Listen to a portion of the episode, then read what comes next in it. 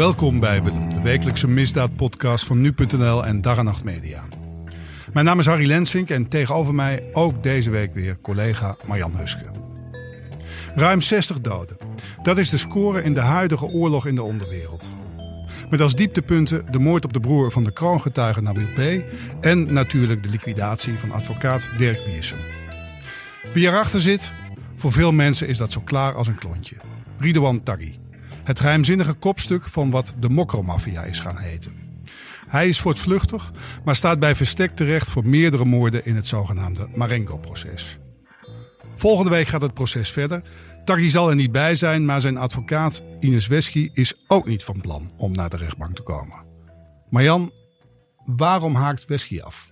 Nou ja, Wesky haakt af omdat uh, ze vindt dat, zij, dat haar cliënt geen eerlijk proces krijgt. En dat vindt ze omdat zij geen nader onderzoek mag doen naar de kroongetuige Nabil B. De man die 41 verklaringen heeft afgelegd tegen haar cliënt. Zij wil graag meer informatie over uh, de kroongetuige.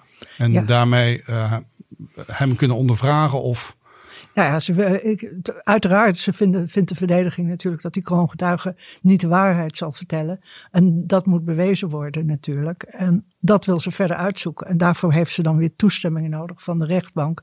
En ze vindt dat ze te weinig speelruimte krijgt om dat uit te zoeken.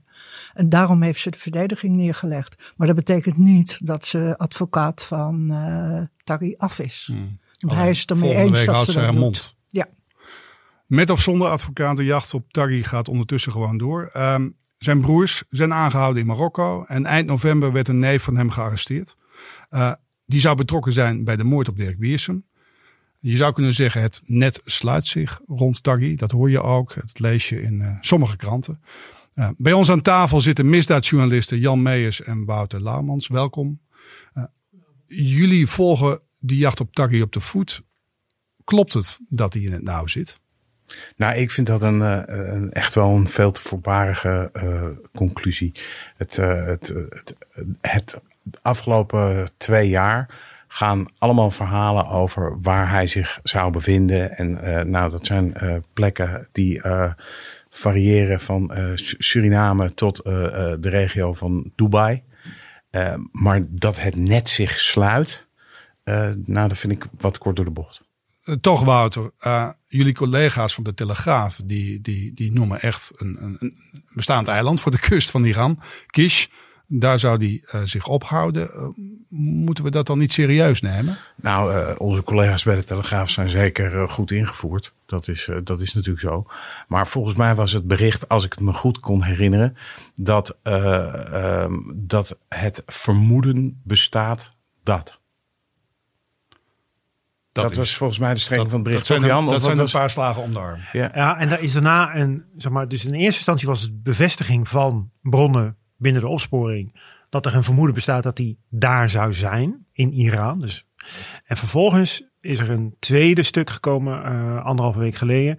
Daarin werd dus heel concreet het eiland Kies genoemd. En daar zeiden ze ook van uh, dat er meerdere mensen zijn die dat hebben bevestigd binnen opsporingskringen, maar ook in de onderwereld, om het maar even zo te zeggen.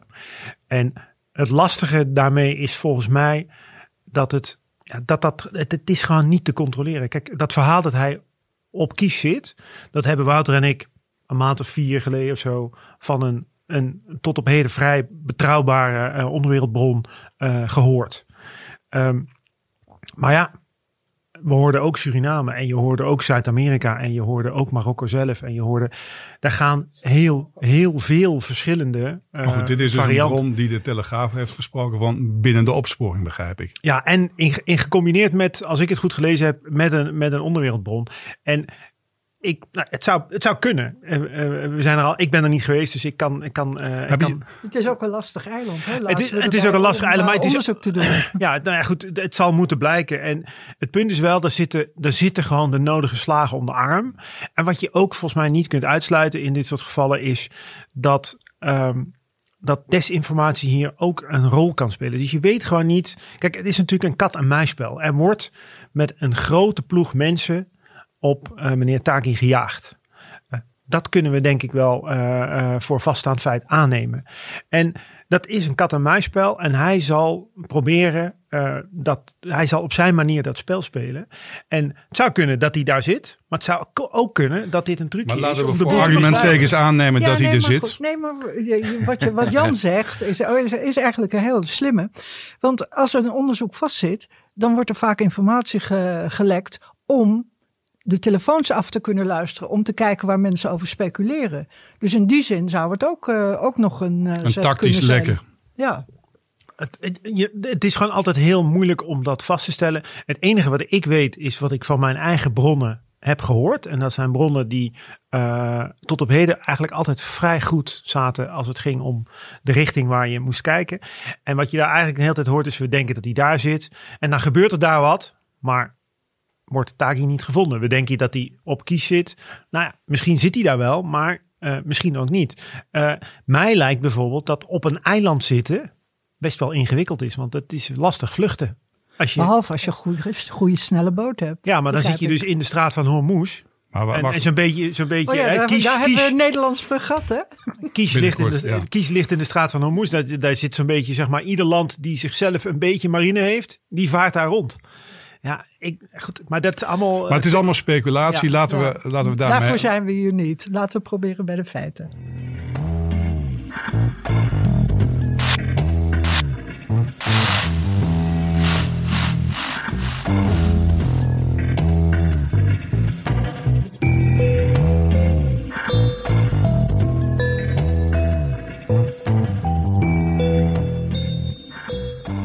Jan, jij zit bij NRC al een tijd.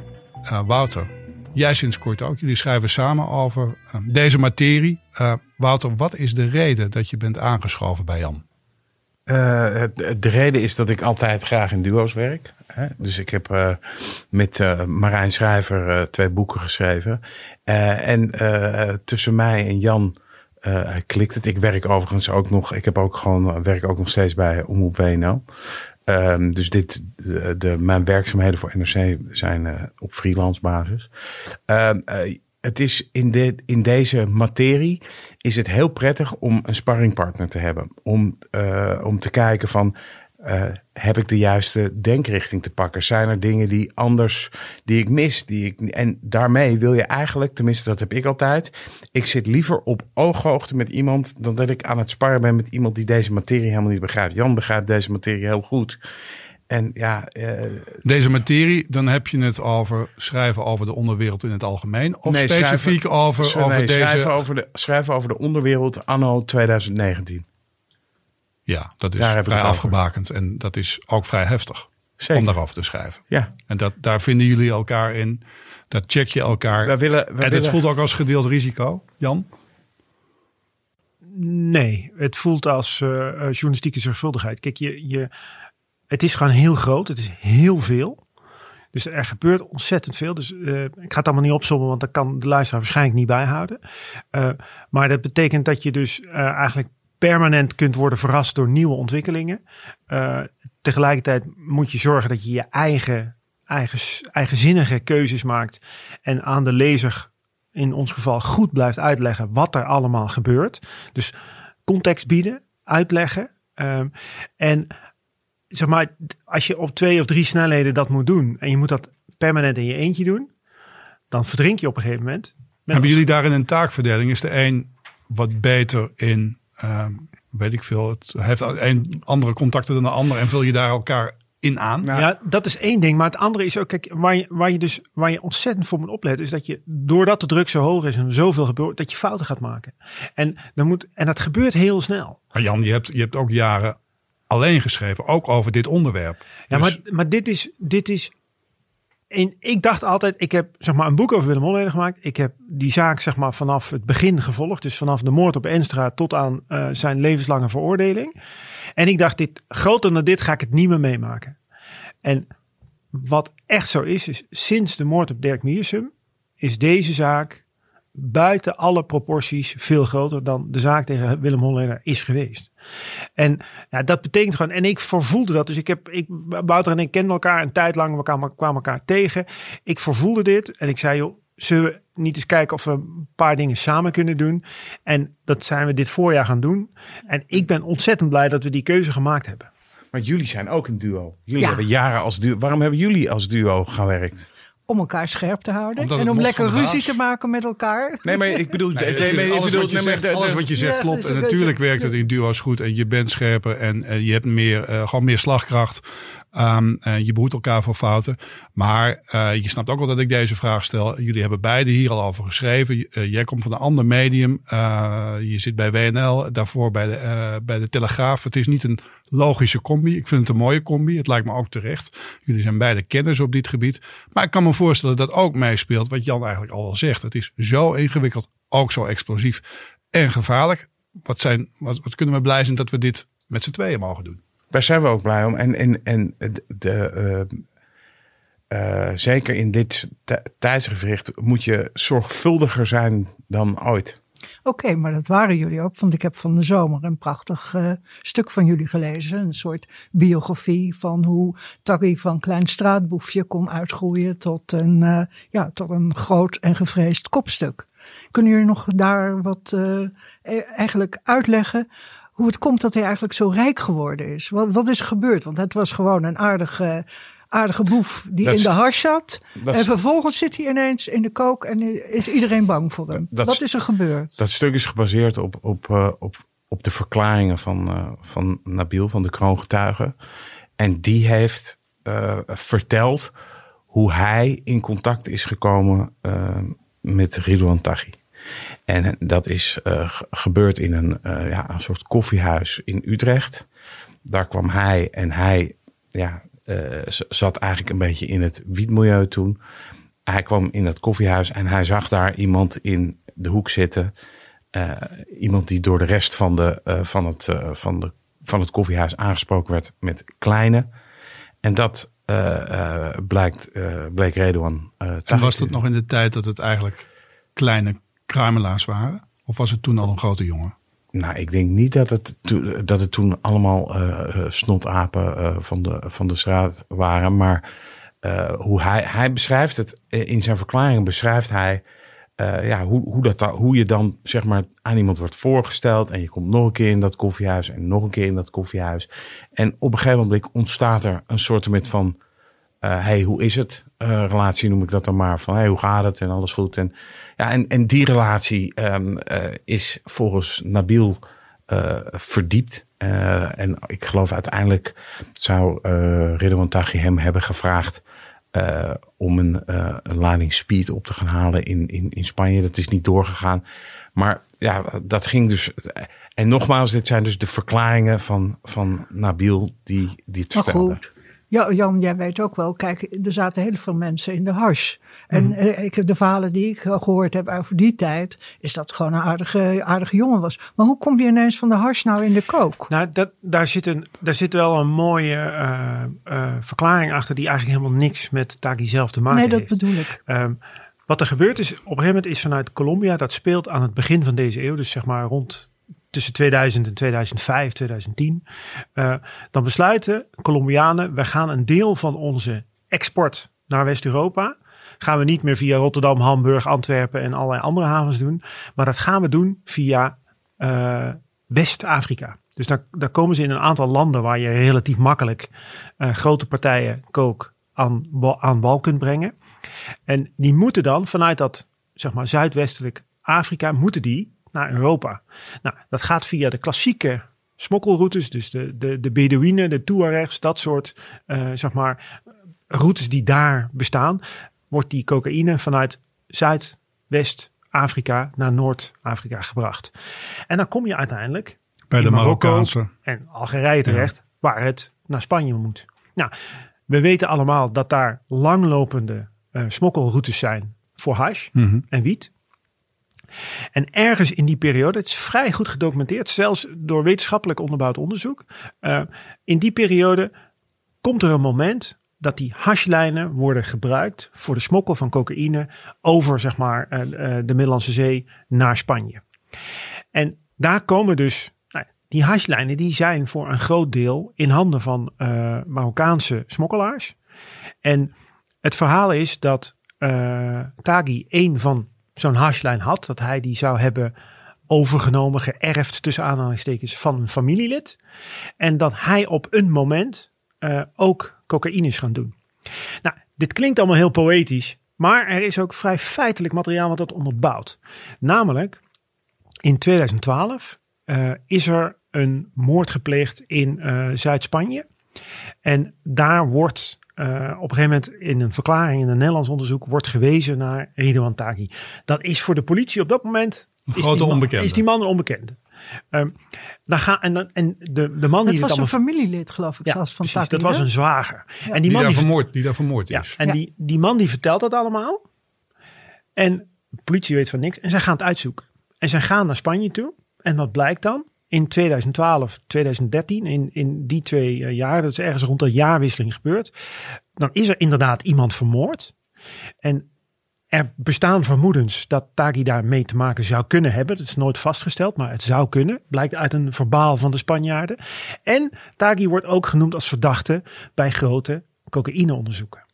En dat materiaal, dat vindt, dat, zeg maar, dat vraagt de Nederlandse politie op in Spanje. En dat wordt uiteindelijk in een dossier toegevoegd. En dat dossier heet 26 koper. Voor de fervente luisteraars van deze podcast zal er ergens een belletje gaan rinkelen. Heeft allemaal Aha, te maken met een zijn- hele grote wapenvondst in Nieuwegein in 2015. En Maar sorry, eigenlijk... dus, dat is dus in 2015 pas komt Dat- Taghi op zo'n manier in beeld dat hij serieus wordt genomen als een Precies. leider van een kooklijn.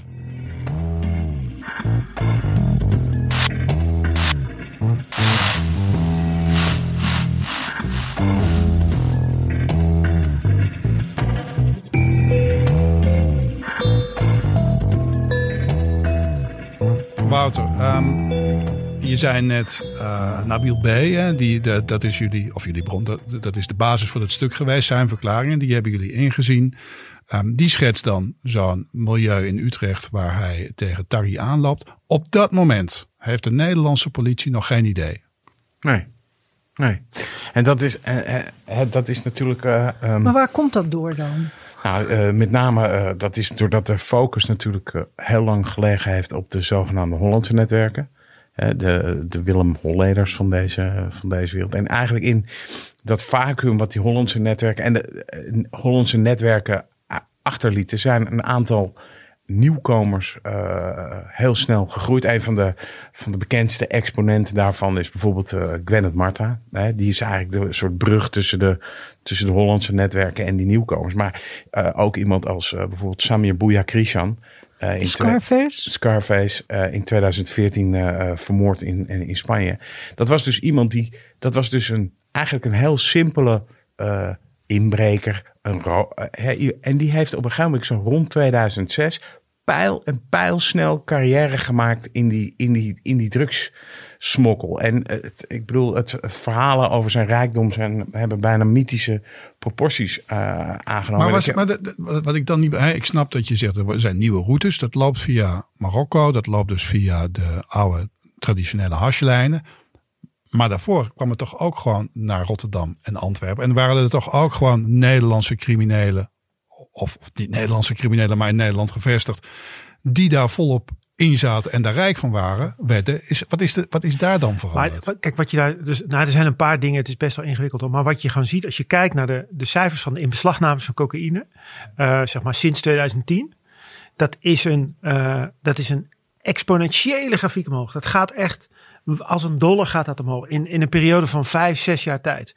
Nou, daar zit voor een deel achter. Op een gegeven moment zijn de Amerikanen gestopt met het eh, eh, platbranden en vergiftigen van de coca-plantages in Colombia. Overvloed dus. Uh, en dat, nou goed, dat, dat, daar, daar zit een heel groot lang verhaal achter wat ik de luisteraar zal besparen. Dat is gebeurd. Dat betekent dat het aanbod toeneemt. Tweede ontwikkeling uh, kun je lezen in ook vrij goed onderbouwde uh, literatuur. Is dat op een gegeven moment de Colombianen hebben gezegd: Mexico en daarmee Amerika gaan wij niet meer aan beginnen. Dus wat zij doen is, zij gaan hun aandacht vestigen op West-Europa. Er waren wat push- en pull factoren die uh, die markt ver maar dus was veranderen. ook niet een van de factoren dat bijvoorbeeld de Nederlandse politie eigenlijk geen informanten had in, in deze wereld van uh, jongens van Mar die uit Marokko dat, afkomstig dat waren. klopt, maar daar zit dus, daarvoor zit dus, daarvoor zit dus de, zeg maar, de, dus kijk, drugsmokkel is altijd voor een deel lokaal bepaald. Dus er is vraag, er zijn criminelen die kunnen geld verdienen. Gaan, dan gaan ze met z'n allen aan de slag. Maar er is ook een vrij grote, zeg maar, gewoon wat meer geopolitieke omgeving. waarin allerlei dingen gebeuren die dat bepalen. Dus uh, een oorlog in Colombia kan betekenen dat er meer of minder aanbod komt. En in dit geval zijn dus de, zijn, zeg maar, de gebeurtenissen die in die periode plaatsvinden. Dus dat, dat is allemaal rond 2010. Dan gebeuren er een aantal dingen die ertoe leiden dat de stroom cocaïne die naar West-Europa komt groter wordt.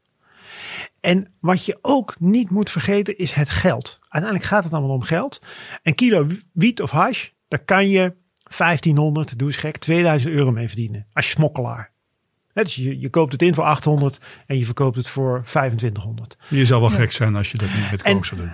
Met cocaïne kan je dat procentueel gezien zijn het dezelfde bedragen. Alleen daar gaat het dus van, van 8000 naar 25.000. Dus de factor 10 geld. En dat bepaalt bijvoorbeeld dat die gasten die in de kook gaan, die kunnen denk ik allemaal mannetjes betalen op straat die klusjes voor aan gaan doen. Want de marges zijn veel groter. Ze hebben meer geld. En meer geld betekent ook dat ze eigenlijk het zijn toch ook wat we vaker zeggen: rupsjes nooit genoeg. Er komt ruzie, er wordt van elkaar afgepakt. We hebben het er hier al eerder over gehad. de groepen gaan met elkaar eh, in de clinch. En wat ik grappig vond was, of grappig, dat is het woord wat je in dit geval helemaal nooit kan gebruiken, is dat ik het idee heb dat uh, eigenlijk meneer Taggi eigenlijk pas extra ineens getriggerd was toen een neefje van hem ineens. Uh, te horen kreeg van de politie dat hij op een lijst stond dat hij misschien wel zou worden geliquideerd. Ja, dat klopt. Er, is, een, er is een verhaal over een. Uh, gaat allemaal over een observatiebus. En dat is een, zeg maar, door de onderwereld geïnstalleerde bus, zeg maar, met professionele apparatuur. Die uh, wordt gebruikt door criminelen om elkaar te observeren of in, in straat al af te leggen. Uh, en die bus die wordt op een gegeven moment gevonden in een, uh, in een uh, warenhuis in, uh, in de buurt van niet zo ver van Utrecht. en daar vinden ze een laptop in. En op die laptop staat uiteindelijk een foto van een neef van Ridwan Taghi. En dat wordt geïnterpreteerd als jij bent bezig, jullie zijn, er zijn mensen bezig om mij en mijn mensen, mijn familie af te leggen. En dat doe je maar om één reden, namelijk geweld. Het was de lont in het kruidvat. Dat was een van de lont in het kruidvat op dat moment. er zijn heel veel kruidvaten in, zo'n, in dat milieu. Dus het is het, het zeggen van dit was het. Ja, uh, er nou zijn ja, natuurlijk, ik, ik, kijk, wat, wat er gebeurt er in dat milieu is gewoon, er zijn gewoon een aantal, altijd een, een heleboel factoren die meespelen, waardoor zo'n oorlog ontstaat. Er is natuurlijk een permanente paranoia. Er wordt, is permanent uh, een soort vijandschap naar andere groepen. En daarin kan dus het, het kleinste, uh, nou niet dat dit zo'n klein voorval is, maar het kleinste voorval kan dus zorgen voor een gigantische explosie aan, aan, aan ellende eigenlijk. Nee, want je merkt dat ook. Hè? Op een bepaald moment, die oorlog die explodeert. Met over en weer vallen daar doden. En dan ineens in gaat die oorlog zelfs door naar Marokko. En dan in Marokko hebben je, is er een vergismoord. Hè? En dan worden ze ook weer broers van Taghi opgepakt. Dus het lijkt wel als, ja, ik heb een beetje het gevoel all in the family. Het is een grote familie waar iedereen bezig is. Wat kunnen jullie daar ja, dat, nou, dat all in the family, daar moet, je, daar moet je, vind ik, voorzichtig mee zijn. Het is heel makkelijk om te zeggen van nou, die hele familie, dat is, dat is één pot nat. En dat is niet zo. Dat is, een, wat je zegt ook, ook zelf dat is een grote familie. En, ik hoorde dat zijn opa bijvoorbeeld burgemeester was geweest in eh, Marokko of zo. Of een soort van burgemeester. Goed, uh, de, uh, maar, nee, maar die hele, die, uh, om, dat, om die hele familie over één kam te scheren. Is nee, maar echt dat wel, doe ik niet. Hè? Nou ja, je zei het all in the family. Dus ja, dan denk ik van, okay. nou ja. Nee, dat bedoel ik er niet mee. Maar ik bedoel meer van, het, het is heel, die, die oorlog is ook wel persoonlijk, wordt die dan. Als er inderdaad allemaal familieleden van je bij betrokken zijn. Nou, volgens mij, ja, volgens mij is die vanaf de get-go altijd al persoonlijk. Het is, ja, want dat is ja. een, interessant wat je zegt. En persoonlijk. Uh, dat, er met, dat het met zoveel geweld gepaard gaat, het is gewoon uh, slecht voor de zaak. Laten we wel wezen. Niemand zit hier in die onderwereld op te wachten. Dus het is heel erg emotie gedreven, neem ik aan, Jan. Ja, dat, dat, daar, dat zou je zeggen. Uh, ik denk, dus soms is het dus zo'n de vondst van zo'n foto dat, dat is zeg maar zo'n zo'n zo'n zo'n zo'n eh, vlammetje wat zeg maar heel snel eh, tot een grote bosbrand kan leiden. En dat is wat je ziet. De, de, een verklaring van iemand die zegt van jullie moeten bij hem zijn. Hij is de nieuwe onderkoning van de onderwereld. Hij regelt alles. Dat is zo'n ander zeg maar vlammetje wat een bosbrand wordt. Uh, en zo zijn er een aantal geweest. Dus, de, dus hij, hij komt uiteindelijk, Ridwan Taghi, komt terecht in een, in een meerdere in een oorlog op meerdere fronten met, met meerdere vijanden. Maar, is hij daar, is, maar kan je hem zien als een puppetmaster, iemand die aan de touwtjes trekt? Of is hij ook maar onderdeel van die oorlog waarin krachten zitten tegenover elkaar staan waar hij ook niet helemaal vat op heeft? Je moet je, moet je voorstellen, die, die, kijk, in die onderwereld is er, dat gaat van incident naar incident, naar van toestand naar toestand. Hè? Dus, eh, eh, dus er zijn uh, er zijn heel veel van dit soort, uh, wat Jan ook eigenlijk net zegt, er zijn heel veel van dit soort conflicten aan de gang. En in sommige conflicten wordt dat opgelost. En sommige conflicten, ja, je, hoort, uh, als, je, als je erover praat met mensen die uit, uit die wereld komen, die zeggen ook, bedoelt, het lijkt nu net alsof hij als een soort, soort uh, Keizer mega oorlogvoerder alleen maar daarmee bezig is geweest. Dat is gewoon niet waar. Uh, er zijn mensen die zeggen, nou, ik heb heel veel, uh, heel veel aan hem te danken. Dat, dat verhaal hoor je ook. Maar is er een big picture? Ja, het, kijk, het big picture is uiteindelijk het beeld wat wij hebben van de onderwereld. Komt, zeg maar, komt tot stand voor een belangrijk deel door het prisma van politie- en justitieonderzoeken. Wat er gewoon, om het zeg maar helemaal terug te brengen, beste luisteraar, we zijn in 2015. Er wordt gerechercheerd op een groepje autodieven. Ze zien bij een tankstation, er wordt een auto en die rijdt naar de buurt van Utrecht. Ze volgen die auto en dat ding wordt in een garage neergezet. En ze kijken, hé, hey, dat is nou interessant. Wat zou er met die auto gebeuren? Het gaat om een Audi, een hele snelle Audi.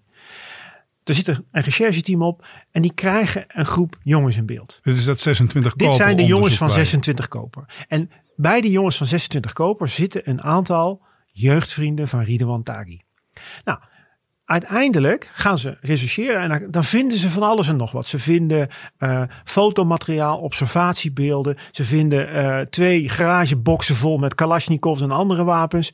Uh, en op die observatiebeelden zien ze dan een aantal mensen waarvan zij denken: hé, hey, als deze mensen geobserveerd zijn, dan is er misschien wel ruzie. Nou, dan komen ze uit bij één van die mensen, waar ik daar straks ook al over verteld heb. Dat is Ibrahim B. En die Ibrahim, die vertelt dan dus: jullie moeten bij Tagi zijn. Ibrahim en Tagi hebben ruzie. Dus je moet bij hem zijn. En dan, dan gaat zeg maar het oog van de politie, het prisma van de politie, gaat zich richten op die groep die ze zeg maar inmiddels hebben aangehouden. Vrij toevallig dus, via een autootje. Het is niet mooier en niet lelijker dan dat. En dan komt het prisma te liggen op de groep en de mogelijke voorman Ridwan. En dat is eigenlijk het begin. En dan, en dan gaat het lopen. Dan, dan komt er dus informatie vrij. Die komt in dossiers terecht. Die dossiers komen bij advocaten en dan gaan wij mee aan de slag. En dan komt, en dan journalistiek maakt eigenlijk die dan ook beelden wil schrijven, maar zet hem altijd heel groot neer. Dan. Nou, nou ja, goed, dan, dan doen wij ons ding. En, en, en uiteindelijk is, komt, komt hij dan bovendrijven en niet iemand anders.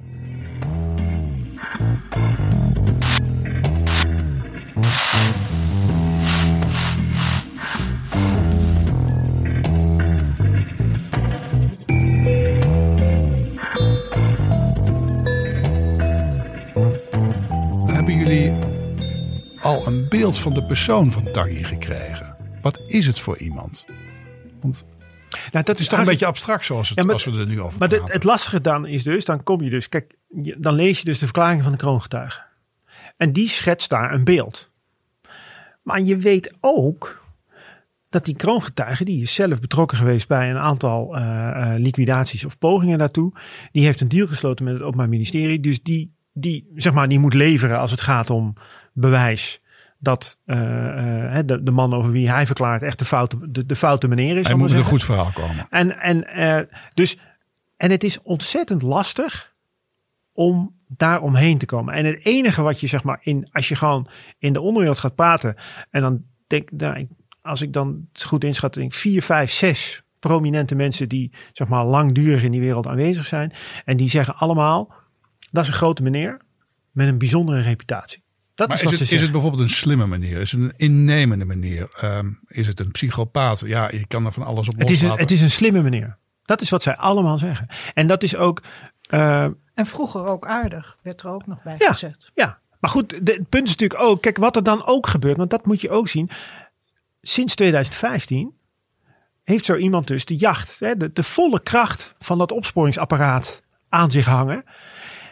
En eh, rivalen zitten niet stil. Dus zeg maar, die, die paar vuurtjes die dan worden aangestoken, dat leidt tot een bosbrand. En tegelijkertijd moet hij zorgen dat hij uit handen blijft van de politie.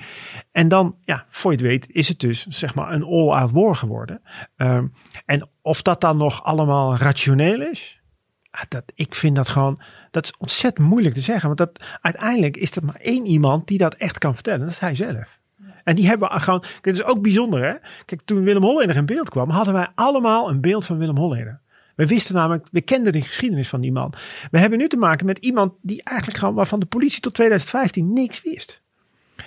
En wij kunnen met z'n allen pretenderen dat wij weten wie hij is.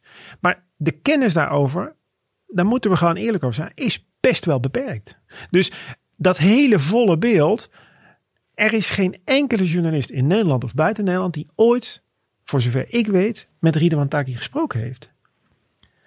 En ik denk dat ik, ik moet er zou, last- je het, zou- zou je het willen? Eh, dat hangt er helemaal van de omstandigheden af. Maar ik moet de laatste tijd wel heel vaak denken aan Astrid Holleder. En hoe Astrid Holleder vertelt dat zeg maar dat zij vanwege haar naam alles naar zich toe gegooid kreeg wat lelijk was. En Ja, maar dat zegt Willem ook. ja, nee, maar goed. Ja, maar, maar, het- maar even maar het- aan de ja. familie. Voor de Ja. familie van, van Ja. Taghi. Die, Dus- als je die achternaam nu hebt. Ja, en het is, is- een hele grote familie. En maar veel het, is, nee, maar, het gaat er dus om, wat Astrid Ja. dus ook vertelde. Is van, ik werd overal met de nek aangekeken Ja. vanwege mijn achternaam. Ja. En dat, en dat is dus wat natuurlijk nu ook gebeurt. Ja, dat is wel zo. Maar aan de andere kant, eh, bij eh, de aanhouding eh, rond de moord op eh, Dirk Weersum, was het toch ook ineens weer, eh, werd gezegd dat een van de verdachten, die weliswaar iets met de auto te maken had, die in de tijd voor de moord rond zou rijden, dat het toch ook weer familie was van. eh, nee, maar Dat is ook zo. Maar dat, dat is ook zo. Maar het- Weer Maar dat, wil, maar dat wil niet zeggen dat die hele familie. nee, Dat is het ene punt. En het andere punt is waar we dus met z'n allen nu naar kijken is... Kijk, Arie, jij weet er alles van. De bankjesfoto van Willem Holleder en Wim Enstra. Het is mooi dat we in de Willem podcast toch nog even over die oude neus zitten te praten. En weet je, wij hadden allemaal, zeg maar, voor, in de opmaat naar die zware beschuldigingen, hadden wij best wel een goed, zeg maar, een soort van kleurtekening, waar we best al wel wat grijs en wat rood en wat wit Wat hadden achteraf ingevuld. ook best kloppend was. Wat allemaal best wel klopte. Maar waar we nu dus, wat het lastige journalistiek gezien is, dat echt ingewikkeld vind ik persoonlijk. We, we hebben dus wel die beelden en je, en je kunt wel met mensen over hen praten. Maar of we nou al een echte kleurplaat hebben, laat staan dat we weten waar het zwart, het grijs en het rood zit. Ik Laten- denk het eigenlijk. laten we dan Laten we even, laten we dan even bij de lijntjes blijven. Ehm, bij de feiten. eh Marjan noemde het net al even. De neef van. eh, opgepakt omdat hij betrokken zou zijn bij de moord op Wiersum. Wat kunnen jullie daarover zeggen, over die zaak? Nou, die, oh, Nou, wat je er volgens mij over kunt zeggen is dat eh, vrij snel in het onderzoek na die moord eh, heeft de politie aangekondigd. Een van de scenario's is dat deze moord is gepleegd in opdracht van Ridwan Taghi. En dat heeft natuurlijk allemaal te maken met het feit dat Wiersum een van de advocaten was van de kroongetuige Nabil B. die belastend heeft verklaard over Ridwan Taghi. Wat we nu eigenlijk zien is met die neef is dat scenario, correct me if I'm wrong Wouter, maar dat scenario is geloofwaardiger geworden. Ja. Dat heeft meer En als je- eh, eh, tractie gekregen. Daar is natuurlijk volop onderzoek naar gedaan. Jullie hebben volgens mij eh, goede bronnen binnen de opsporing. Is er al meer over te zeggen over hoe, hoe, hoe dit zou kunnen zijn gelopen? Eh, en wat die betrokkenheid is geweest van die neef? het, verhaal, het verhaal van die neef is dat hij eigenlijk tot vrij recent in de gevangenis heeft gezeten. van de zomer was die pas vrijgekomen, begreep klopt, ik. Hè? Ja, ja en hij, Hij is hij, hij heeft, hij is betrokken. Hij is, eh, ja, dat noemen ze de Audi-bende. eh, in Utrecht. Dat zijn plofkrakers die in Duitsland uh, pinautomaten opbliezen en er dan vandoor gingen met het geld. Die Audi-bende is overigens gigantisch. Hè? Dat, is, dat, dat, dat zijn heel veel jongens of zo? Ja, dat is dus niet een echte een bende zoals, zoals uh, twaalf man of zo. Nee, dat, de, al die mensen die zich bezighielden vanuit het Utrechtse uh, met dat soort plofkraken worden onder de noemer Audi-bende uh, geschaard. En, en hij is dus, uh, die, die neef van, uh, van Ridwan is dus bij een van die plofkraken is een auto verongelukt. Daarbij is iemand dodelijk, ja, hoe zeg je dat, omgekomen. Ja. en hij is daarvoor opgepakt en voor veroordeeld. En die straf had hij eigenlijk, volgens mij zat hij er pas inderdaad wat jij zegt Marjan uh, nog niet zo lang op. Dus hij is. Uh, hij was, was in Duitsland veroordeeld tot drie jaar. En, en dan mocht het hier uitzitten. Hier uitzitten, ja. ja het is, het is, het is zo'n element wat je dichter bij de hoofdpersoon van deze podcast brengt. Um, daar is door heel veel mensen al heel veel over gezegd. Er is door het OM veel bewijs al neergelegd. Belangrijk, we noemden het net al, de kroongetuige Nabil B. Toch zie je nu ook wel wat kentering, of in ieder geval een soort tegenbeweging zou ik het willen noemen. Uh, Nabil B staat er ook wat minder florisant voor, wat, wat, wat gekleurder op. En je moet, kijk, je moet. Uh, dit gaat over, wat waar ik naartoe wil, is het verhaal ja. uh, dat hij zelf ook.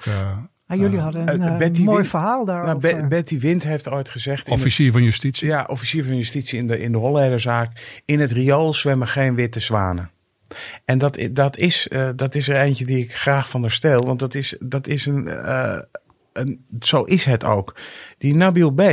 Uh, laten we wel wezen, die is nu kroongetuige. Maar die zat echt tot over zijn oren in het milieu. Waarom is hij kroongetuige geworden? Omdat hij klem kwam te zitten toen de verkeerde vermoord was. Daarvoor heeft hij zich gewoon, willens en wetens, ingelaten met moord. Dat, dan ben je niet uh, een wit zwaantje. Om nee, maar, maar dat, is ook, dat is ook, dat is ook niet. Wat, dat zegt niemand. Alleen nee. nu zie je dat zijn betrouwbaarheid wordt natuurlijk uh, uh, onderuit gehaald. Ter discussie gesteld. Ja. Of, dat, of die onderuit wordt gehaald, is vraag 2. Nee, maar het wordt niet onderuit gehaald. De verdediging van, moet ik even goed zeggen. De verdediging natuurlijk probeert die uh, betrouwbaarheid onderuit te halen. En hebben, uh, want dat is Nico Meijering, die we eerder ook hebben zien opereren uh, in, in, in de zaken waarin een andere kroongetuige, Peter Lacerpe, een belangrijke rol speelde. Mm -hmm. dat is al aan, aan Meijering besteed, zo'n zo, zo tegenstander. Heeft hij ook een punt, Jan? Dat is eigenlijk op dit moment nog niet te zeggen. Kijk, zijn cliënt heeft verteld dat hij, zijn cliënt is Mo Razuki, dat is de cliënt uh, van Nico Meijer. Dat is de, de cliënt van Nico Meijer en dat is de, de broer van de vermeende rechterhand van uh, Ridwan Taki, Said Razuki. En die Mo die heeft een verhaal verteld over hoe hij is aangehouden en de aanleiding voor die arrestatie was eigenlijk dat hij is beschoten. En het verhaal van die Mo is dat hij is gelokt naar een plek waar, waar hij had moeten worden vermoord. En dat had weinig of niks gescheeld. Um, en uh, hij zegt, ik ben daarheen gelokt door Nabil B. En het bijzondere aan dat verhaal is, en of het waar is of niet, wij zijn er niet bij geweest, dus we kunnen dat niet controleren. Maar het bijzondere aan dat verhaal is dat hij zegt dat is gebeurd met een, met een speciale telefoon, een PGP-telefoon, die, die zeg maar niet is te kraken door, uh, of moeilijk is te kraken door uh, politie. En, en vaststaat dat Nabil B. inderdaad in de periode dat hij, zeg maar, in de aanloop naar de publicatie van zijn deal. En het moment dat hij aan het verklaren was, dat er onderhandeld werd over die uh, kroongetuigenregeling. Dat hij inderdaad een tijd lang een telefoon in zijn cel heeft gehad. Uh, dat dus, is ook bevestigd hè, door justitie. Dat is en die telefoon heeft hij gekregen van Morazuki. Dat dus, heeft hij ook toegegeven. Dus, uh, dus er is een even, even, even resumerend. Morazuki is beschoten, zegt dat is een opdracht van Nabil B. gebeurd. De kroongetuige tegen Taghi. Uh, en uh, diezelfde Mo heeft die uh, telefoon aan die Nabil B. geleverd. Ja. En, die, en die Nabil zou dan vanuit zijn cel gebeld hebben dat Mo naar een bepaalde plek zou Precies, gaan. dat is het verhaal van Mo. Dus, dus Mo heeft gezegd van joh, ik ben ik kreeg berichten van Nabil van kan jij voor mij iets doen? Er moet geld van A naar B. Er moet geld van meneer A naar meneer B. Uh, kan jij dat voor mij regelen?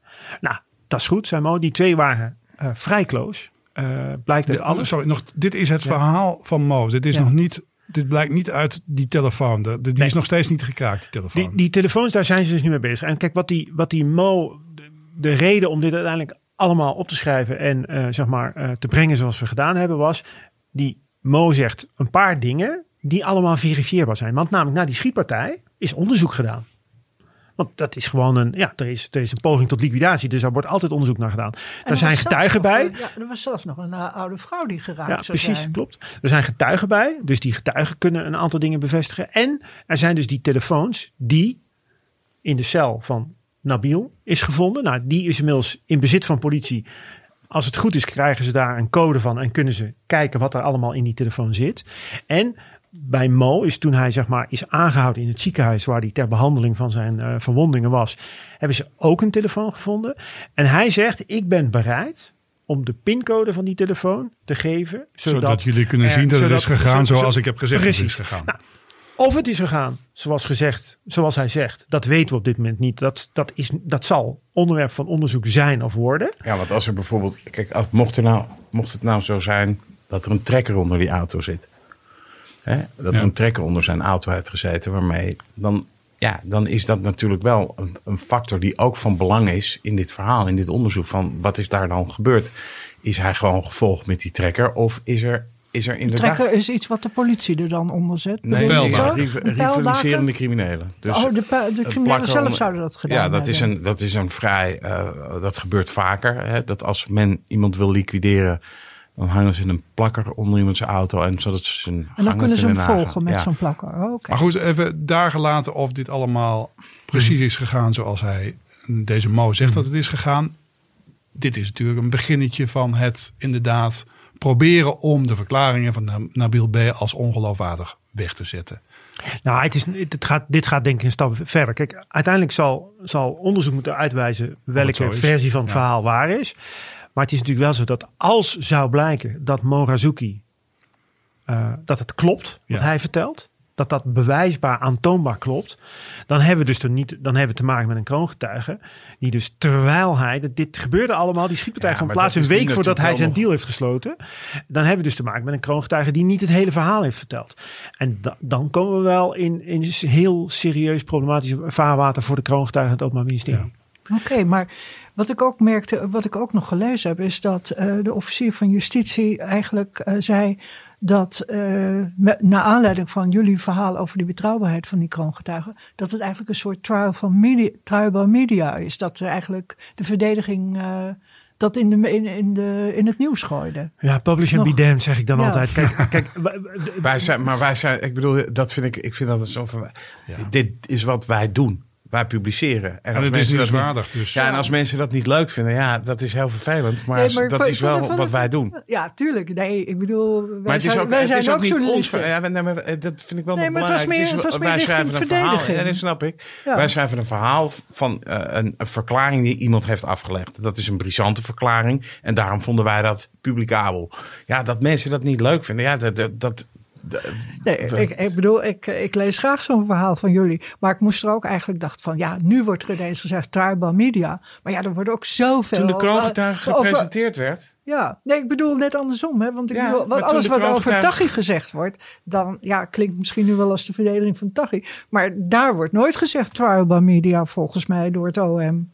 Nou ja, toen de, toen de kroongetuige, ik weet nog dat, de- de- daar was jij ook bij, eh, Jan, de dag dat de kroongetuige gepresenteerd werd. Ja, dat, dat was eh, natuurlijk dat was een moment waarbij eh, eh, het OM glimmend achter in de zaal zat en het journaal natuurlijk ook dit allemaal keurig opschreef en bracht.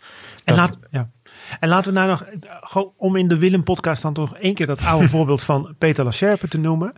Kijk, in de zaak Lacerpe, daarvan zei iedereen ook, ah, dat, die man die heeft naar werkelijkheid vooruit. Ik, ik heb dat eigenlijk altijd geloofd. Eh, maar, wat bleek op een gegeven moment? Verdomd, er was een heel stuk weggevallen in zijn verklaringen. Die waren wel afgelegd, maar die hebben we maar niet uit de kluis, kluis gehaald. Omdat Lacerpe zegt, als dat openbaar wordt, Alles dan ben ik mijn leven niet meer zeker. En wat waren dat? Dat bleken de Willem Holleder weglatingen te zijn. Dus laten we nou ook niet doen alsof er nooit wat aan de hand is met een kroongetuige. Want dit voorbeeld laat gewoon zien dat alle vragen die daarover door de verdediging gesteld worden. En advocaten moeten gewoon hun cliënt verdedigen. En zij zouden slechte advocaten zijn. En op een, op een donder krijgen van de deken. Als ze zouden zeggen, ja, sorry cliënt, maar alles wat die kroongetuige heeft verklaard, daar komen we niet aan. Want dat is waar. Dat, dat, daar moeten we mee. Dat, zo werkt het niet. Dus dit is gewoon een proces waarin de, de betrouwbaarheid en de geloofwaardigheid van die kroongetuigen getoetst wordt. En ja, dat doet, dat doet soms pijn. Dat, en dat is bijvoorbeeld voor die familie. Ik kan me voorstellen dat het verschrikkelijk is. Die, die mensen zijn een broer kwijtgeraakt. Die zijn hun leven kwijtgeraakt. Die hebben te maken met een andere broer die eh, zeg maar eh, diep in de shit zit. En, zij, wordt- hebben, en zij moeten ermee dealen. Dat is verschrikkelijk voor die mensen. Maar ja, feit is, hun broer heeft dat gedaan. Heeft gekozen voor een leven in de criminaliteit. Heeft gekozen voor een kroongetuigendeal. En dat betekent ook dat hij getoetst zal worden. En dat is niet altijd mooi. Eh, en daarvan hebben we nog maar het begin nu gezien. Eh, we gaan volgende week eh, verder bij twee dagen Marengo-zittingen. Wouter en Jan, dank voor jullie duiding van de nieuwe Holleder. Nog even terug naar de oude. Twee weken geleden hadden we het erover dat Willem Holleder een andere rechters wilde. omdat de rechtbank in Amsterdam niet objectief zou zijn. Hoe is dat afgelopen, Marjan? Nou, hij heeft pech gehad. Eh, het Hof zegt: wij zijn onafhankelijk. We kijken gewoon alleen in het dossier. Eh, hij zal het ermee moeten doen. Dus eh, het gaat gewoon door. We blijven gewoon in Volgend Amsterdam. jaar, denk ik dan, hè? want het jaar is bijna om. Oké, tot zover Willem. Eh, volgende week zijn wij er weer. Ondertussen kunt u een abonnement nemen via iTunes. En heeft u vragen, dan horen wij het graag. Ik ben Ed Harry Lensink op Twitter. Marjan is Ed Huske Marjan. Mailen mag ook naar vragen@dewillempodcast.nl. Dank voor het luisteren en graag tot volgende week.